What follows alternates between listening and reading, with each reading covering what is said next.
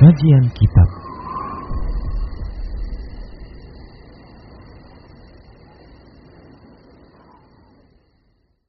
Bismillah, Assalamualaikum warahmatullahi wabarakatuh. Innal hamdalillah nahmaduhu wa nasta'inuhu wa nastaghfiruh wa na'udzu billahi min shururi anfusina wa min sayyiati a'malina. Man yahdihillahu fala mudhillalah wa man yudlilhu fala وأشهد أن لا إله إلا الله وحده لا شريك له وأشهد أن محمدا عبده ورسوله صلى الله عليه وسلم. قال الله تعالى يا أيها الذين آمنوا اتقوا الله حق تقاته ولا تموتن إلا وأنتم مسلمون. يا أيها الناس اتقوا ربكم الذي خلقكم من نفس واحدة وخلق منها زوجها وبث منهما رجالا كثيرا ونساء. واتقوا الله الذي تساءلون به والأرحام. إن الله كان عليكم رقيبا. يا أيها الذين آمنوا اتقوا الله وقولوا قولا سديدا. يصلح لكم أعمالكم ويغفر لكم ذنوبكم. ومن يطع الله ورسوله فقد فاز فوزا عظيما. أما بعد. فإن أصدق الحديث كتاب الله وخير الهدى هدى رسول الله صلى الله عليه وسلم وشر الأمور محدثاتها وكل محدثة بدعة وكل بدعة ضلالة وكل ضلالة في النار Para hamba Allah rahimani wa rahimakumullah para pemirsa Rosyad TV dan para pendengar radio Medan Mengaji di mana saja Anda berada rahimani wa rahimakumullah Alhamdulillah kita bersyukur kepada Allah atas semua nikmat yang Allah berikan selawat dan salam tak lupa kita ucapkan untuk Nabi kita Muhammad sallallahu alaihi wasallam. Kita akan lanjutkan pembahasan pembatal-pembatal tauhid dan kita masuki pembatal yang kedua yaitu al-kufrul akbar, kekufuran dengan status kufur besar. Dan di antara kufur akbar tersebut adalah kufrul i'radi, yaitu kekufuran karena berpaling. Sesungguhnya di dalam Al-Qur'an terdapat penyebutan tentang e, berpaling di banyak ayat dan hukum asal dari atau secara bahasa al-i'rad atau berpaling itu ada tiga bentuknya. Yang pertama at-tawalli 'anis syai' yaitu berpaling dari sesuatu. Kemudian yang kedua adalah as-sududu anhu yaitu menghalang-halangi manusia darinya sehingga manusia itu berpaling darinya dari sesuatu tersebut. Kemudian yang ketiga wa'adamul mubalati bihi yaitu tidak peduli sama sekali dengannya. Nah, ini merupakan uh, makna secara bahasa dari al-i'rad yaitu berpaling. Baik para muslim rahimani rahimakumullah yang dimaksudkan di sini adalah berpaling dari agama Allah Subhanahu wa taala dan itu ada dua bentuknya. Yang pertama adalah berpaling dari agama Allah Subhanahu wa taala yang menjadikan pelakunya terancam jatuh ke dalam kufur akbar yaitu seseorang meninggalkan agama Allah Subhanahu wa taala dan berpaling darinya dengan hatinya, lisannya dan anggota tubuhnya. Yaitu dia meninggalkan atau dia meninggalkan ya agama Allah Subhanahu wa taala dengan anggota tubuhnya walaupun disertai dengan adanya pembenaran dengan lisannya, begitu juga ya ucapan e, pembenaran dengan hatinya dan ucapan dengan ya lisannya terhadap dua kalimat syahadat tersebut. Demikian. Dan e, jenis ini yaitu berpaling yang menjadikan pelakunya ini jatuh ke dalam kufur akbar atau kufur yang besar. Berpaling dari agama Allah Subhanahu wa taala bentuknya ada tiga. Yang pertama adalah berpaling dari mendengar Ya, yang pertama adalah berpaling dari mendengar perintah-perintah Allah Subhanahu wa taala. Seperti kondisi orang-orang kafir yang mereka masih berada di atas agama-agama yang menyimpang tersebut atau orang-orang yang tidak memiliki agama sama sekali yang mereka tidak mau mendengarkan perintah Allah, tidak mau untuk ya masuk ke dalam agama Allah Subhanahu wa taala. Walaupun dalam hatinya dia membenarkan ya hal tersebut, yaitu hatinya membenarkan bahwa Islam adalah agama yang menyembah Tuhan yang satu, mengajarkan pemeluknya untuk menyembah Tuhan yang satu, yaitu pencipta alam semesta, ya, dan yang menciptakan diri diri mereka demikian. Walaupun juga lisan mereka membenarkan hal tersebut. Nah ini merupakan bentuk berpaling dari mendengarkan perintah-perintah Allah Subhanahu wa taala. Ya tidak peduli ya terhadap perintah-perintah Allah Subhanahu wa taala. Dan juga tidak berusaha untuk mencari agama yang benar, ya. Yang dengannya akan tegak hujah kepada mereka. Nah, mereka ini berpaling dari mempelajari dan mencoba untuk mengenal ya agama yang benar ini.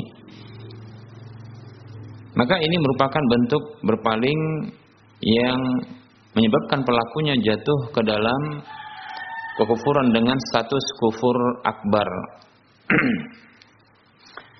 Padahal ya e, pelakunya tersebut sangat mungkin dan mudah untuk dia e, mengenal agama yang benar ini atau menempuh perjalanan ya untuk mengenal agama yang benar ini demikian.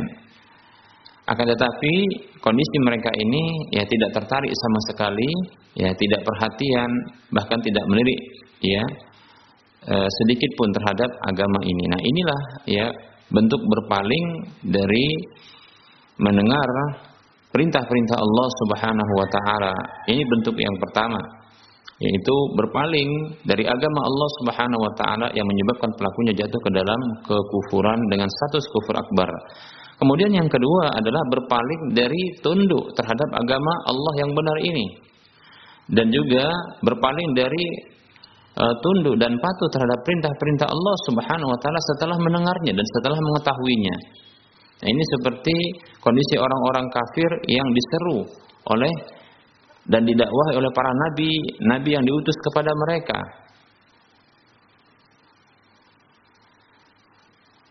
Demikian pula orang-orang yang mengajak ya, mengajak ya mereka untuk mentaati Allah Subhanahu wa taala, untuk patuh kepada agama Allah Subhanahu wa taala. Maka yang demikian ini merupakan bentuk yang kedua dari ya berpaling dari agama Allah Subhanahu wa taala yang menyebabkan pelakunya jatuh ke dalam kekufuran dengan status kufur akbar. Demikian. Atau kita sebutkan contoh yang lain seperti orang-orang yang mereka mengetahui kebenaran ya pada diri mereka. Ya, maksudnya dengan diri mereka sudah tahu itu merupakan kebenaran namun mereka tak kunjung untuk masuk ke dalam Islam, tunduk dan patuh. Namun mereka masih tetap di atas kekufuran mereka. Allah Subhanahu wa taala berfirman di dalam surah Al-Ahqaf ayat 3 Allah mengatakan a'udzu billahi minasyaitonir rajim walladzina kafaru amma unziru mu'ridun dan orang-orang kafir itu mereka berpaling dari apa saja yang diperingatkan mereka dengannya. Demikian. Nah, ini kondisi orang kafir yang mereka telah sampai kepada mereka peringatan-peringatan dari Allah Subhanahu wa taala baik itu ya para nabi dan rasul yang diutus kepada mereka yang menyampaikannya atau orang-orang dari kalangan mereka ya. Atau para dai para juru dakwah yang mengajak mereka dan memperingatkan mereka ya untuk e, menuju agama yang benar ini namun mereka berpaling. Maka Allah Subhanahu wa taala menyatakan mereka lah orang-orang kafir. Demikian. Surah al-ahqaf ayat 3 berikutnya para muslim rahimani wa rahimakumullah. Kita beri contoh berikutnya ya atau bentuk berikutnya berpaling dari agama Allah Subhanahu wa taala yang menjadikan pelakunya menyebabkan pelakunya itu jatuh kepada kekufuran dengan status kufur akbar adalah berpaling dari mengamalkan seluruh hukum Islam dan kewajiban-kewajiban Islam setelah diakui dengan lisannya ya diakui dengan lisannya dan dia mengetahui tentang rukun iman, rukun Islam, bahkan mengucapkan dua kalimat syahadat demikian. Maka yang seperti ini juga termasuk berpaling dari agama Allah Subhanahu wa taala yang benar. orang yang mereka meninggalkan berbagai jenis ya amalan-amalan dan semua jenis dari amalan-amalan hukum Islam dan tidak melakukan sedikit pun dari kewajiban-kewajiban, tidak sholat, ya, tidak berpuasa, tidak berzakat, tidak berhaji, ya, dan seterusnya dari hal-hal yang ini merupakan menjadi prinsip dalam agama Islam, ya, agama yang berasal dari Allah ini agama yang benar ini mereka meninggalkannya mereka berpaling sama sekali tidak peduli seperti ini ya. Maka sepakat para ulama dengan status ijma bahwasanya mereka ini terjatuh ke dalam kekufuran dengan status kufur akbar yang mereka terancam ya terancam ya jatuh ke dalam kufur akbar ya. Ini termasuk ya e, kufur berpaling dari agama Allah Subhanahu wa taala. Demikian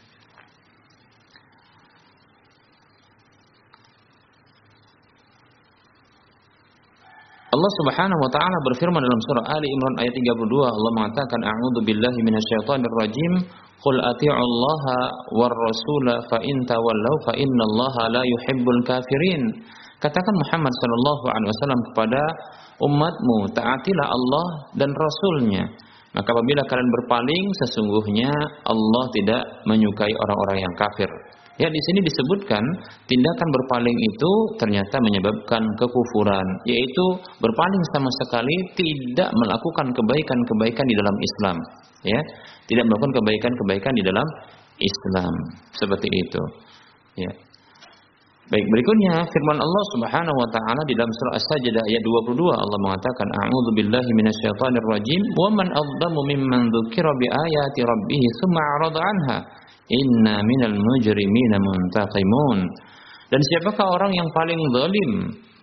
Dan siapakah orang yang paling zalim ketimbang orang yang telah diperingatkan ya terhadap ayat-ayat Rabb mereka kemudian mereka berpaling darinya sesungguhnya kami kata Allah Subhanahu wa taala membalas ya orang-orang yang berbuat dosa orang-orang yang berlaku dosa demikian inilah balasan bagi orang-orang yang e, berpaling sama sekali dari agama Allah Subhanahu wa taala.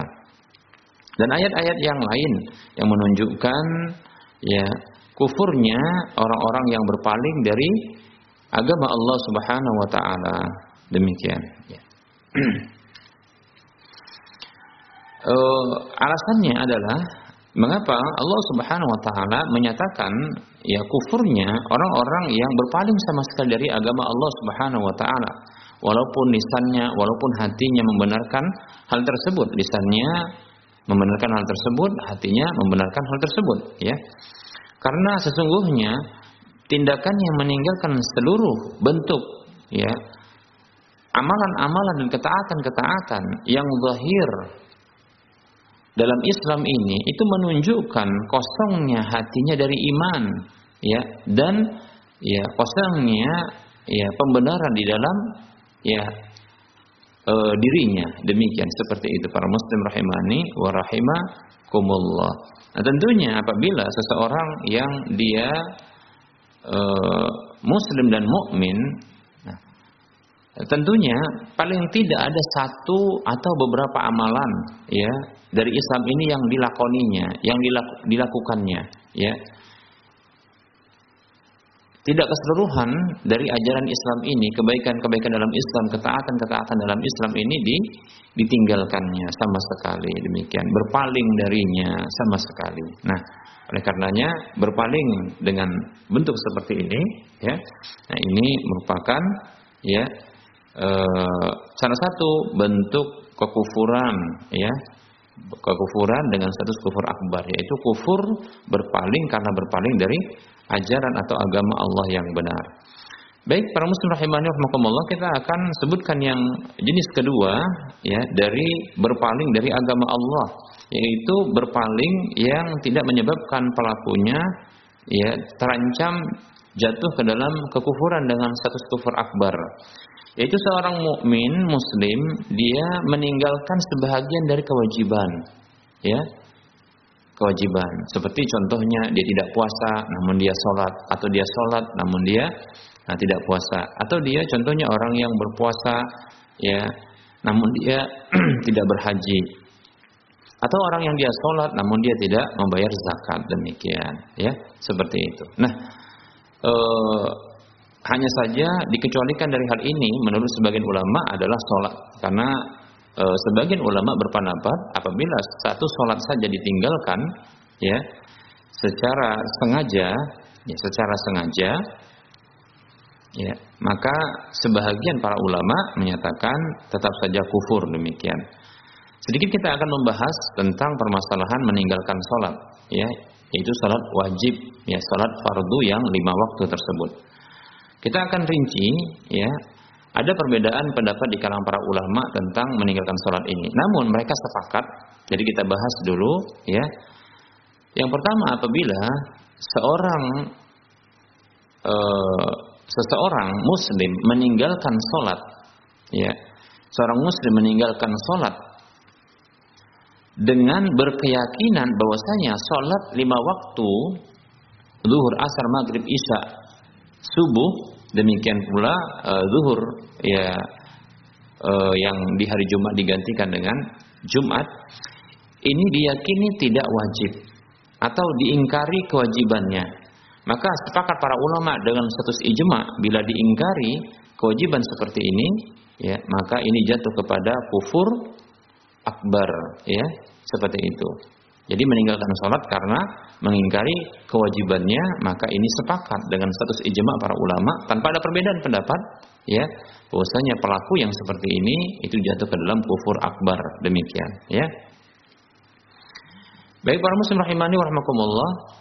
Eh, berikutnya adalah meninggalkan sholat lima waktu, ya, karena malas ya tapi masih me, me, meyakini kewajibannya.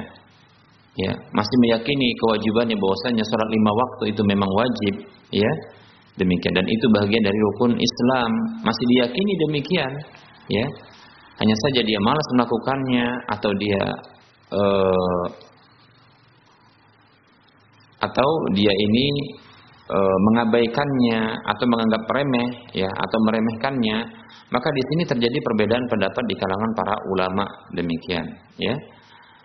E, sebagian ulama berpendapat bahwasanya orang seperti ini juga masih e, dikategorikan ya kufur ya terancam kufur keluar dari Islam demikian.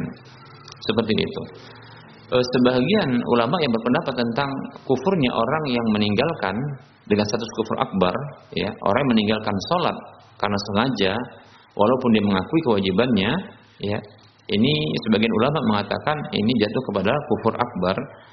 Ini berdalilkan dengan beberapa hadis Nabi Shallallahu Alaihi Wasallam. Seperti di antaranya adalah hadis yang dikeluarkan oleh Imam Muslim dari sahabat Jabir radhiyallahu anhu yang mengatakan Rasulullah Shallallahu alaihi wasallam bersabda, "Bainar rajuli bainar rajuli wa bainas syirki wal kufri tarkus salati."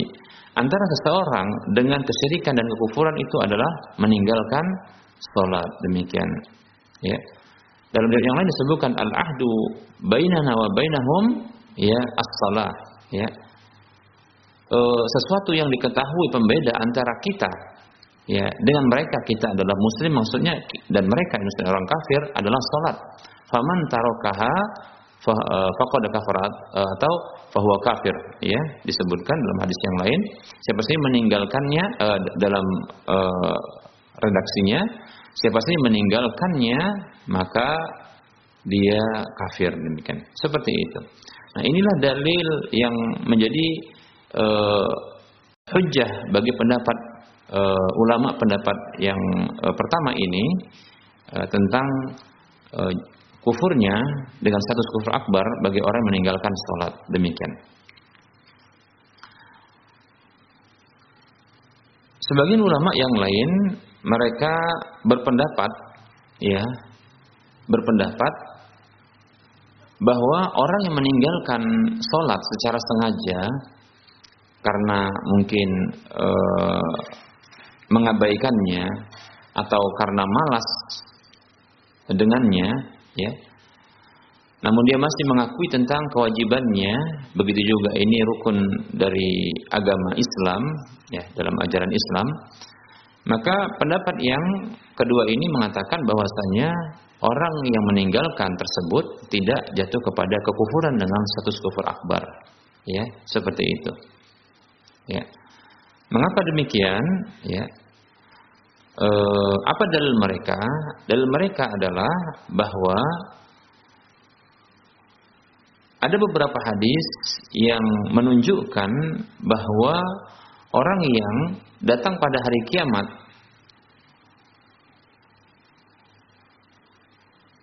dalam kondisi tidak memiliki amal sedikit pun kecuali hanya kalimat la ilaha illallah namun akhirnya dengan kalimat la ilaha illallah tersebut dia bisa masuk surga. Ya seperti itu. Demikian pula ya orang yang dia uh, meninggalkan meninggalkan sholat namun ya masih ada peluang ya pada hari kiamat kelak ya disebutkan dalam hadis bahwasanya orang yang pada hari kiamat kelak itu tidak mendekati hari kiamat yaitu ada orang-orang yang tidak mengenal ya sedikit pun tentang ajaran Islam kecuali ya kalimat la ilaha illallah saja mereka tidak mengenal apa itu sholat, apa itu puasa, apa itu zakat. Mereka tidak mengenalnya demikian. Ya. Lalu ada seseorang yang bertanya, ya, tentang apakah mereka ini dalam neraka demikian ya apakah mereka dalam neraka? Apakah mereka ini masuk dalam neraka? Ya.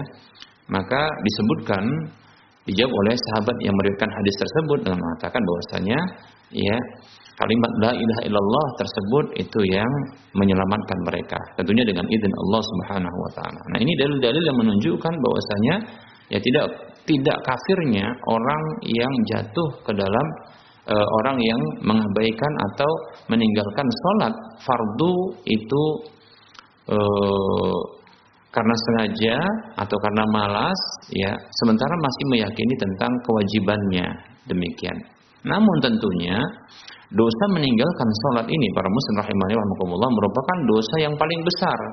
Ya di antara termasuk dosa-dosa yang besar. Demikian. Bahkan lebih besar daripada dosa ya berzina dosa memakan riba ya lebih besar daripada dosa e, meminum minuman khamar demikian para muslim rahimani wa rahimakumullah. Lalu bagaimana dengan hadis-hadis Nabi SAW yang menyebutkan bahwasanya ya kufurnya orang yang meninggalkan sholat? Maka pendapat yang kedua ini, ulama-ulama yang berpendapat dengan pendapat kedua ini, mereka menyatakan bahwasanya ya, kufur yang dimaksudkan dalam hadis tersebut adalah kufur asghar, kufur asghar demikian, ya. Kufur kecil, bukan kufur akbar. Wallahu taala alam. E, yang jelas ada perbedaan pendapat di dalam e, pembahasan ini, ya. Namun mereka sepakat, para ulama sepakat bahwa saya meninggalkan sholat karena ya meyakini tidak wajibnya sholat tersebut atau mengingkari kewajiban sholat tersebut maka sepakat para ulama dengan status ijma ya kufurnya orang yang meninggalkan sholat tersebut dengan status kufur akbar dengan derajat ya kufur akbar. Wallahu taala a'lam. Demikian. Nah seperti itu ya kalau saya pribadi condong kepada pendapat yang mengatakan bahwasanya ya orang meninggalkan sholat ya yang masih meyakini kewajibannya namun e, dia meninggalkannya karena malas atau karena e, nafsunya yang mendominasinya maka orang ini tidak e, kufur dengan status kufur akbar demikian. Namun dia jatuh kepada kufur asghar ya kufur asghar yang e, dosanya ini lebih besar ketimbang dosa berzina, dosa e, memakan riba, dosa begitu juga dosa ya minum-minuman keras. Bahkan kalau dia berterusan meninggalkan sholat tersebut, maka e, boleh bagi para e, boleh bagi pemerintah ya untuk memberikan sanksi hukuman kepadanya bahkan sampai sanksi hukuman e, ancaman mati ya ancaman mati itu ancaman bunuh ya seperti itu. Bila dia meninggalkan sholat secara terus menerus demikian wallahu taala a'lam.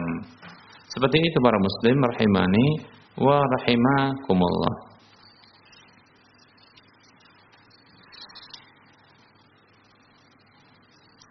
Berikutnya para muslim rahimani rahimakumullah kita akan sebutkan ya jenis kekufuran berikutnya ya yang ini merupakan kufur akbar. Kufur dengan status kufur akbar adalah kufrun nifaqi yaitu kekufuran karena kemunafikan ya kekufuran karena kemunafikan ya.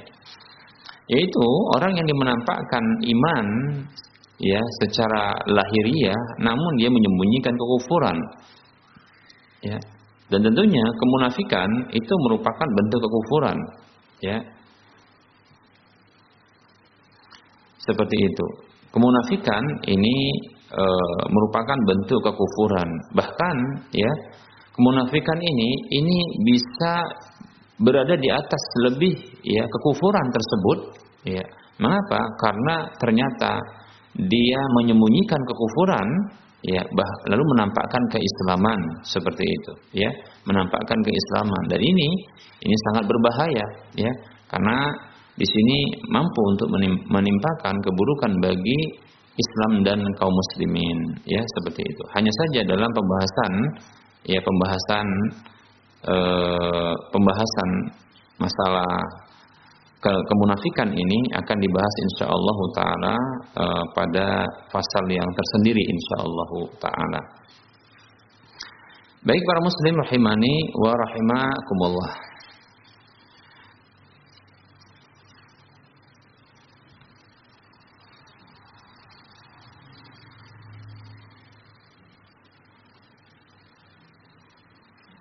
Kita akan lanjutkan berikutnya ya adalah kekufuran jenis berikutnya ya dengan status kufur akbar adalah al kufru bimualatil kafirina yaitu kekufuran yaitu dengan cara berloyalitas kepada orang-orang kafir ya Baik para muslim rahimani rahimakumullah. Loyalitas kepada orang kafir ini ada dua bentuknya. Pertama adalah loyalitas yang yang ini menyebabkan kekufuran ya ada yang kedua adalah loyalitas yang tidak menyebabkan kekufuran. Dan ini insya Allah taala juga kita akan bahas pada uh, pada pasal berikutnya. Baik para muslim rahimani wa rahimakumullah ya. Kita akan bahas nanti insya Allah taala pada waktu yang akan datang ya. Baik uh, kita akan uh, akhiri ya pembahasan uh, tentang kufur akbar ini ya ini dengan uh, penutup ya. Walaupun sesungguhnya contoh-contoh kekufuran dengan satu kufur akbar ini ini masih banyak ya masih banyak. Namun kita cukupkan dengan apa yang kita jelaskan ini namun kembali kita ulangi, kembali kita tegaskan ya bahwasanya e, seseorang muslim yang jatuh ke dalam kekufuran dengan status kufur akbar atau jatuh ke dalam kesyirikan dengan status syirik akbar tidak lantas seorang muslim tersebut ya itu individu muslim tertentu itu menjadi kafir atau musyrik yang tulen keluar dari Islam. Tidak mesti ya. Mengapa demikian? Karena e, tindakan seperti ini itu bentuk memfonis individu tertentu dengan hukum ya murtad atau keluar dari Islam.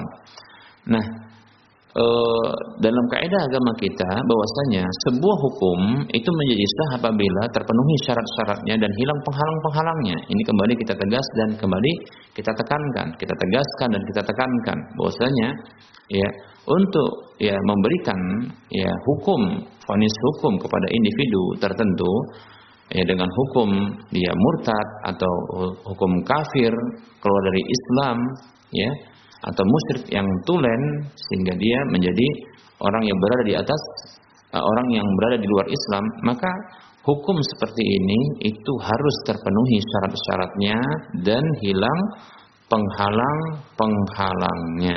Demikian Ya.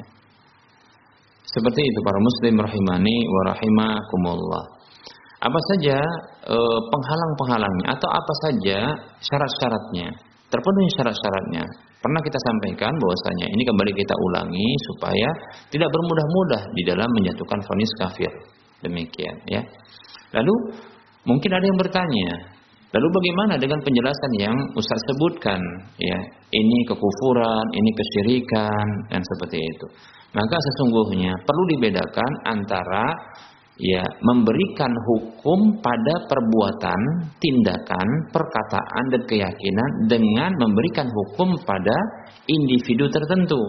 Jadi ini harus dibedakan. Ya, para muslim rahimani. Para ulama mereka membedakan ya, ada disebut dengan takfir mutlak dengan takfir muayyan, begitu, ya. Tak, takfir mutlak yaitu mengkafirkan secara mutlak. Seperti contohnya, ya, siapa saja melakukan ya seperti ini maka dia telah kafir. Nah, seperti itu itu perkataan contohnya eh, perkataan sebagian ulama ya seperti perkataan Imam Ahmad bin Hambal siapa saja yang mengatakan Al-Quran makhluk maka dia kafir seperti itu. Ya. Seperti juga sabda Rasulullah siapa saja meninggalkan sholat maka dia telah kafir. Nah seperti itu. Baik para muslim rahimani wa rahimakumullah. Nah ini disebut dengan takfir mutlak. Yaitu menghukumi perbuatan atau tindakan ya, perkataan maupun keyakinan itu adalah e, sesuatu yang kufur seperti itu ya. Jadi ini memberikan hukum pada perbuatan atau pada tindakan atau pada ya keyakinan atau juga pada e, pernyataan atau ungkapan seperti itu yang disebut oleh para ulama dengan at-takfir mutlak demikian seperti itu ya. Adapun ketika melakukan ya e, jenis yang kedua yaitu takfir muayyan yaitu memfonis kafir individu tertentu yang dia seorang muslim ya maka di sinilah yang harus e, rinci harus terpenuhi syarat-syaratnya dan hilang penghalang-penghalangnya. Demikian. Nah tentunya seorang muslim mukmin ya wajib dia meyakini kafirnya ya orang-orang atau individu-individu yang dinyatakan kafir oleh Allah Subhanahu wa taala dan rasulnya di dalam Al-Qur'an maupun hadis Nabi Shallallahu alaihi wasallam. Wajib ya kita harus kafirkan karena Allah yang mengkafirkan yang memfonis kafir ya uh, uh, individu tertentu tersebut begitu juga Rasulullah yang memfonis kafir individu tertentu ya seperti itu. Wajib bagi kita untuk turut juga mengkafirkannya. Demikian seperti itu ya. Begitu juga ya siapa saja uh, yang tidak dikafirkan oleh Allah Subhanahu wa taala dan rasulnya ya maka kita juga tidak boleh mengkafirkan ya seperti itu ya nah ketika kita hendak mengkafirkan individu-individu tertentu yang jelas muslimnya yang hukum asal seorang muslim dia di atas agamanya maka tidak boleh bagi kita untuk ya menghilangkan ya ke, uh, agama atau keimanan dari dirinya dengan sesuatu yang mungkin itu masih uh, ada dugaan bahwasanya dia tidak tahu atau mungkin ada faktor-faktor lain yang yang membuat dia jatuh ke dalam hal tersebut. Demikian. Oleh karenanya para ulama meletakkan syarat-syarat demikian pula ya memberlakukan mawani-mawani atau penghalang-penghalangnya. Di antara syarat-syarat untuk diberlakukan vonis kafir ya pada seseorang itu adalah harus dia ya iqamatul hujjah menegakkan hujjah kepadanya. Yaitu dijelaskan kepadanya diberitahu kepada orang tersebut yang mengucapkan sebuah ungkapan kekufuran atau meyakini sebuah keyakinan kekufuran atau melakukan sebuah tindakan kekufuran demikian ya dengan status kufur akbar ya hal tersebut maka ya wajib untuk menegakkan hujah ini syaratnya seperti itu. Karena bisa jadi orang tersebut ya tidak dia dia tidak tahu. Kemudian yang kedua, ya ini syaratnya. Syarat yang kedua adalah izalatus syubhah, ya. Izalatus syubhah yaitu dia harus me menghilangkan syubhat. Ya, syubhat. Bisa jadi orang tertentu ya, itu karena ada kesamaran pada dirinya tentang sesuatu ini, bahwasanya ini adalah ya kufur sesungguhnya namun di dalam dirinya ya ada kesamaran ini tidak kufur. Maka harus dihilangkan hal tersebut. Demikian. Bisa jadi karena munculnya ada takwil ya pentakwilan yang keliru yang salah. Demikian. Atau contohnya memang dia mendapatkan ya eh, pelajaran agama itu dari dari orang-orang yang dianggap soleh dengan cara demikian. Seperti kita dapatkan adalah ya sebahagian dari orang-orang tua kita dahulu yang mereka ini ya e, mendatangi kuburan-kuburan orang soleh lalu meminta kepada kuburan orang soleh. Dan ini mereka tidak tahu bahwasanya hal ini merupakan perkara yang dilarang. Dianggapnya itu merupakan bentuk ya ini merupakan bentuk e, beradab kepada apa namanya orang-orang soleh atau para wali tersebut ya bentuk mengagungkan para wali. Apalagi ada subhat di sisi mereka. Apa subhatnya subhatnya adalah para wali ini adalah orang-orang dekat Allah Subhanahu wa taala. Nah tentunya dia bisa menyampaikan ya permohonan dari orang-orang yang hidup. Nah, ini menurut mereka ya untuk disampaikan kepada Allah Subhanahu wa taala. Tapi orang yang hidup itu menyampaikan hal itu dulu kepada sang wali itu. Nah, ini adalah subhat, ini adalah kesamaran. Sehingga ya tidak mudah ya, tidak boleh kita secara uh, serampangan ya tergesa-gesa untuk memfonis kafir, menjatuhkan fonis kafir kepada orang-orang seperti ini. Karena inilah yang didapatkan ya uh, dari guru-guru mereka yang mengajarkannya seperti itu ya. Jadi uh, tidak tidak secara serampangan kita memfonis kafir mereka seperti itu. Karena ya subhat yang diajarkan oleh orang-orang sebelumnya dan itu dianggap bagian dari agama seperti itu.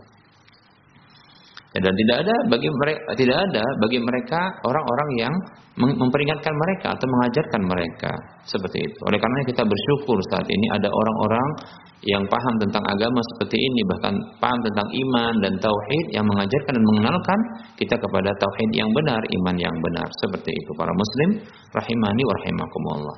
Nah, itu di antara dari syarat-syarat yang diberlakukan oleh para ulama untuk menjatuhkan vonis seperti itu. Kemudian ya uh, ada uh, ada penghalang-penghalang yang menjadikan terhalangnya seorang muslim yang jatuh ke dalam uh, kekufuran baik itu ya dengan perkataannya atau perbuatannya atau keyakinannya yang menghalangi dirinya itu jatuh kepada kekufuran dengan status kufur akbar.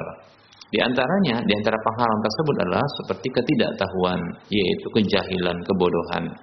Yang kedua adalah ya e, subhat atau yang ketiga adalah takwil fasid yaitu takwil yang rusak demikian. Yang keempat di antaranya adalah ya ini e, terpaksa yaitu adanya ikroh apa itu ikroh yaitu e, dipaksa untuk melakukan kekufuran tersebut. Demikian para muslim. Nah ini e, sedikit atau e, sedikit penjelasan tentang Eh, syarat-syarat demikian pula penghalang-penghalang di dalam menjatuhkan vonis kafir kepada individu muslim tertentu.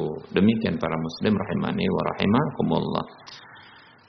E, bahkan sebagian ulama ada yang mempersyaratkan berikutnya ya atau e, menjadikan ya kewenangan dalam menjatuhkan vonis kafir ini ini bukan pada individu tertentu ya bukan setiap individu tertentu Ya, bukan setiap muslim ini harus dia menjatuhkan vonis kafir ini. Ya, bukan setiap muslim ini boleh untuk dia berwenang untuk menjatuhkan vonis kafir, tidak, ya. Demikian. Seperti itu. Bahkan ada berpendapat ini adalah wewenang dari pemerintah. Walaupun ada ulama yang lain mengatakan ya tidak mesti, tidak harus ini wewenang pemerintah. Demikian. Yang jelas di sini terjadi perbedaan pendapat Memang sebaiknya seorang mukmin muslim ketika mendapatkan saudaranya jatuh ke dalam ya eh, kekufuran atau kesyirikan atau pembatal-pembatal keislaman keimanan, semestinya yang dilakukan adalah nasihat, memberikan nasihat bukan malah menjatuhkan vonis seperti itu. Itu yang selayaknya ya dilakukannya sebelum dia ya melakukan tindakan vonis begitu. Mengapa? Karena Rasul mengatakan ad-dinun nasihah. Agama itu adalah nasihat. Bukan agama itu fonis demikian. Wallahu taala a'lam.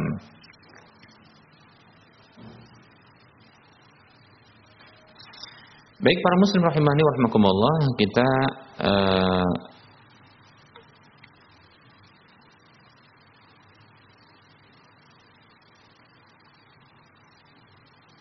mencoba untuk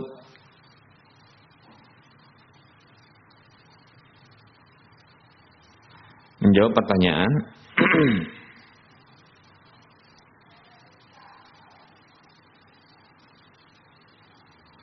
Ada pertanyaan di sini.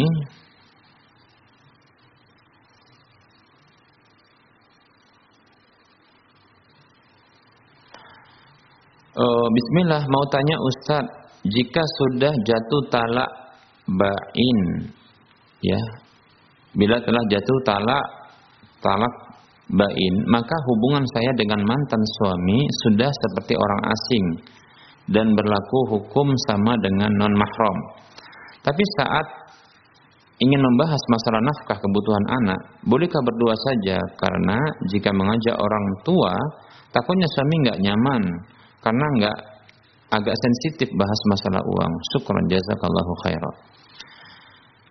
Ya kalau sudah uh, talak bain, ya tentunya ini tidak bisa kembali ya kecuali uh, kalau dia talak bain, bainunah sughra, maka ini sudah e, harus dengan akad baru.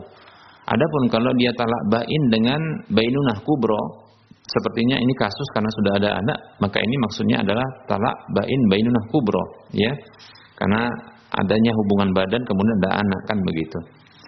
E, maka tidak akan bisa kembali kecuali e, sang wanita tersebut itu menikah lagi e, menikah dengan laki-laki lain lalu bercerai dari e, laki-laki tersebut setelah ya tentunya ada hubungan badan. Kemudian halal bagi suami sebelumnya untuk menikah dengan e, mantan istri yang telah ditalak dengan talak bain bainunah kubro demikian. Seperti itu, ya. Jadi e, agak berat ya. Pertanyaannya Ya, ini saat ini bukan masalah kembali, tapi permasalahannya adalah membahas masalah nafkah kebutuhan anak yang ini merupakan anak keduanya. Demikian. E, maka saya sarankan jangan e, bertemu fisik, namun bisa dengan lewat e, media sosial seperti mungkin e, telepon, ya, atau mungkin video call seperti itu, ya, video call, ya. Atau mungkin dengan uh, telepon saja ya. Telepon mungkin lebih aman tanpa melihat fisik ya. Tanpa berjumpa. Karena yang seperti ini ya bisa jadi nanti akan memunculkan apa namanya memunculkan hasrat ketika bertemu ya. Bisa jadi setan ya akan e, memunculkan kepada mereka hasrat ya maka terjadilah kekhawatirannya sesuatu yang diharamkan seperti itu ya, maka saya sarankan untuk bisa e, membahasnya itu lewat media. Apakah mungkin media sosial atau mungkin media telekomunikasi yaitu dengan telepon. Demikian. Wallahu taala a'lam ya.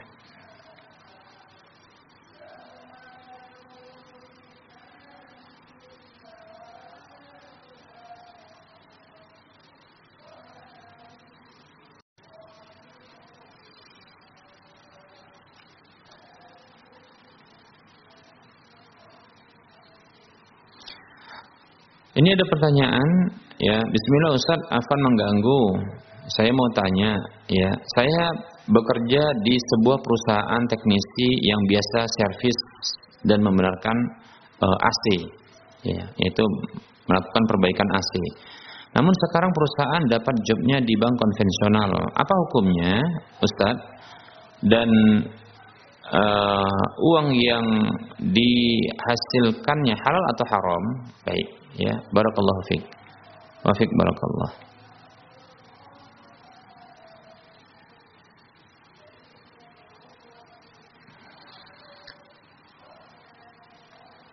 Baik ya, e, jika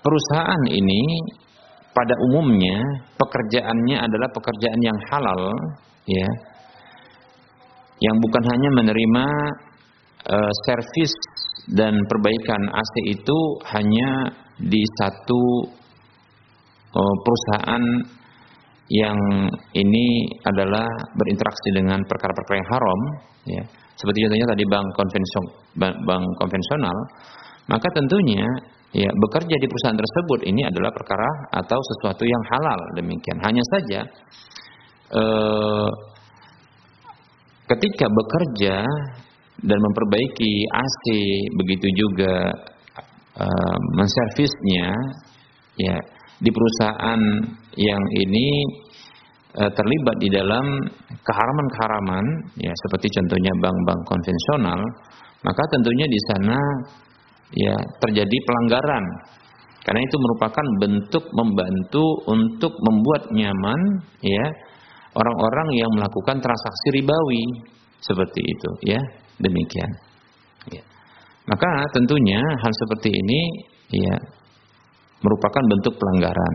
Ya, Allah Subhanahu Wa Taala berfirman, ya, wa ta'awanu 'alal birri wat taqwa wa la ta'awanu 'alal ismi wal 'udwan. Surah Al-Maidah ayat 2 Allah mengatakan saling tolong menolonglah kalian di atas uh, kebajikan dan ketakwaan dan jangan kalian saling tolong menolong di atas dosa dan permusuhan. Seperti itu ya. Jadi ini termasuk pelanggaran ya. Seperti itu. Adapun e, walaupun di sini ada perbedaan pendapat ya, e, saya dapatkan ada perbedaan pendapat, tapi saya condong kepada pendapat ini karena itu merupakan bentuk membuat nyaman orang-orang yang melakukan transaksi.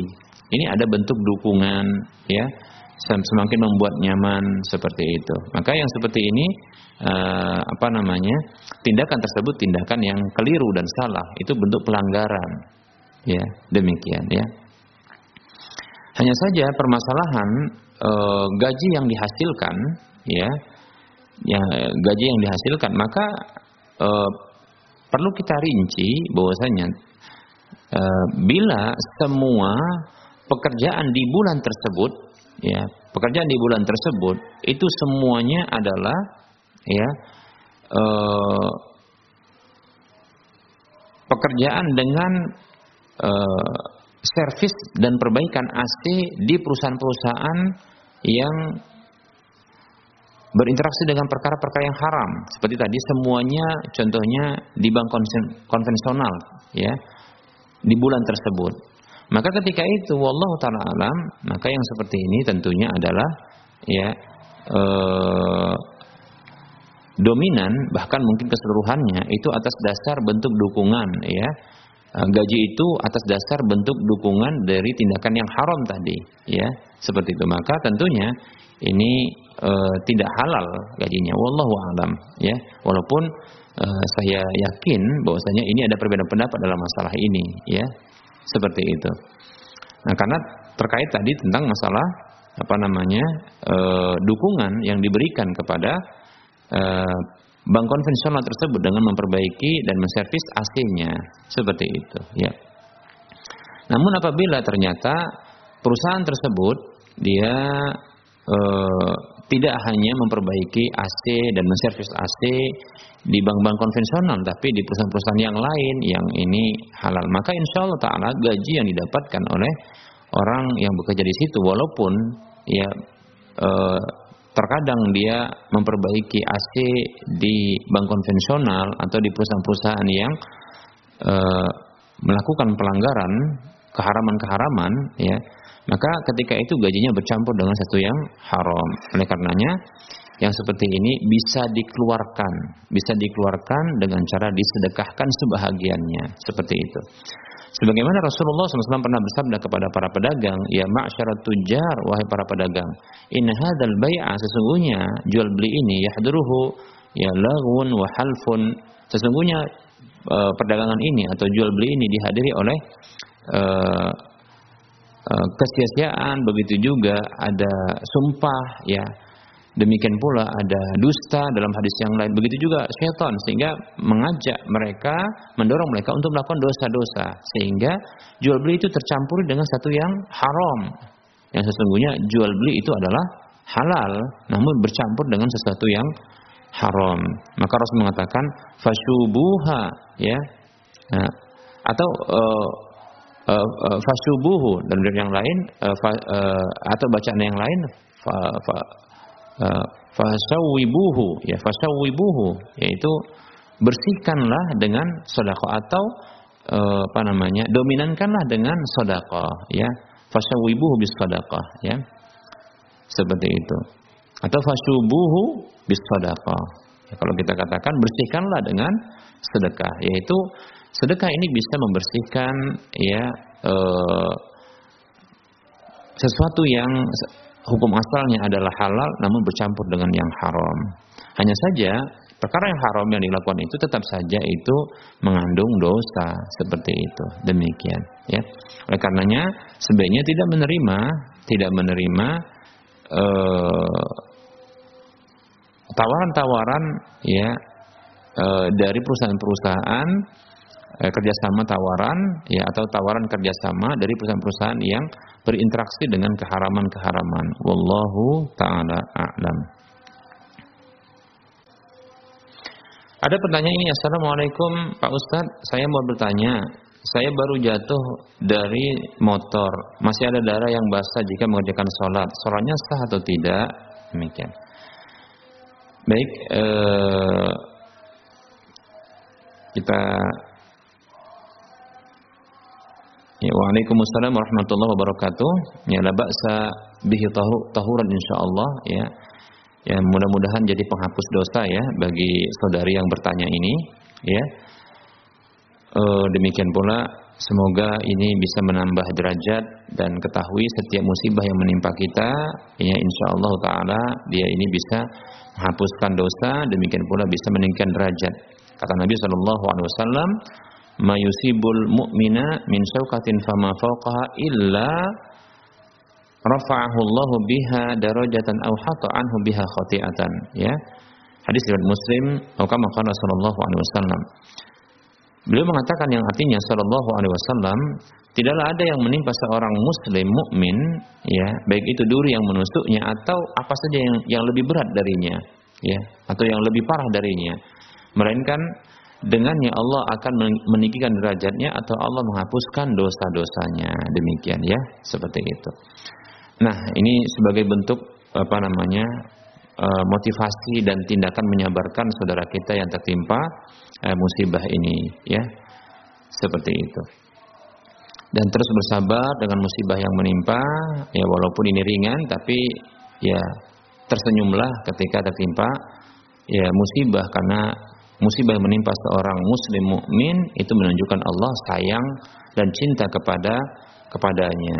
Kata Rasulullah sallallahu alaihi wasallam, "Inna Allah idza ahabba qauman ibtalahum." Sesungguhnya Allah Subhanahu wa taala apabila mencintai satu kaum, maka Allah menguji mereka. Demikian, ya memberikan musibah kepada mereka seperti itu. Baik, e, pertanyaannya apakah darah yang masih mengalir atau basah itu yang kena dengan mungkin pakaian atau masih ya melekat pada apa namanya luka lukanya yang mungkin itu tampak dari luar apakah ini bisa menghalangi sholat? Maka jawabannya ya sah sholatnya. Demikian ya sah sholatnya. Seperti itu sah insya Allah sholatnya karena e, para sahabat dahulu ya dan para tabiin dahulu para sahabat dahulu mereka berperang ya dalam kondisi ya e, mereka dalam kondisi terluka dan berdarah dan mereka juga masih melakukan sholat demikian.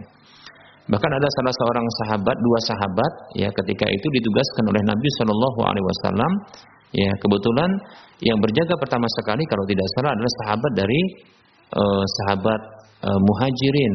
Kemudian sahabat Ansor itu ya istirahat, kemudian sahabat muhajirin yang ini berjaga. Dan dia berjaga dalam kondisi sholat. Lalu ternyata ada seorang uh, musyrik yang tulen, musuh Islam yang ini memata-matai, ya, mengendap-endap. Lantas dia membidikkan panahnya kepada ya sahabat tersebut yang sedang sholat. Demikian. Lalu mengenai, lalu dia cabut dalam kondisi sholat dicabut. Tentunya ya panah yang mengenai tubuh itu dicabut tentunya mengalirkan darah. Demikian. Sampai berkali-kali demikian. Akhirnya ya terbangunlah sahabat yang lain ini.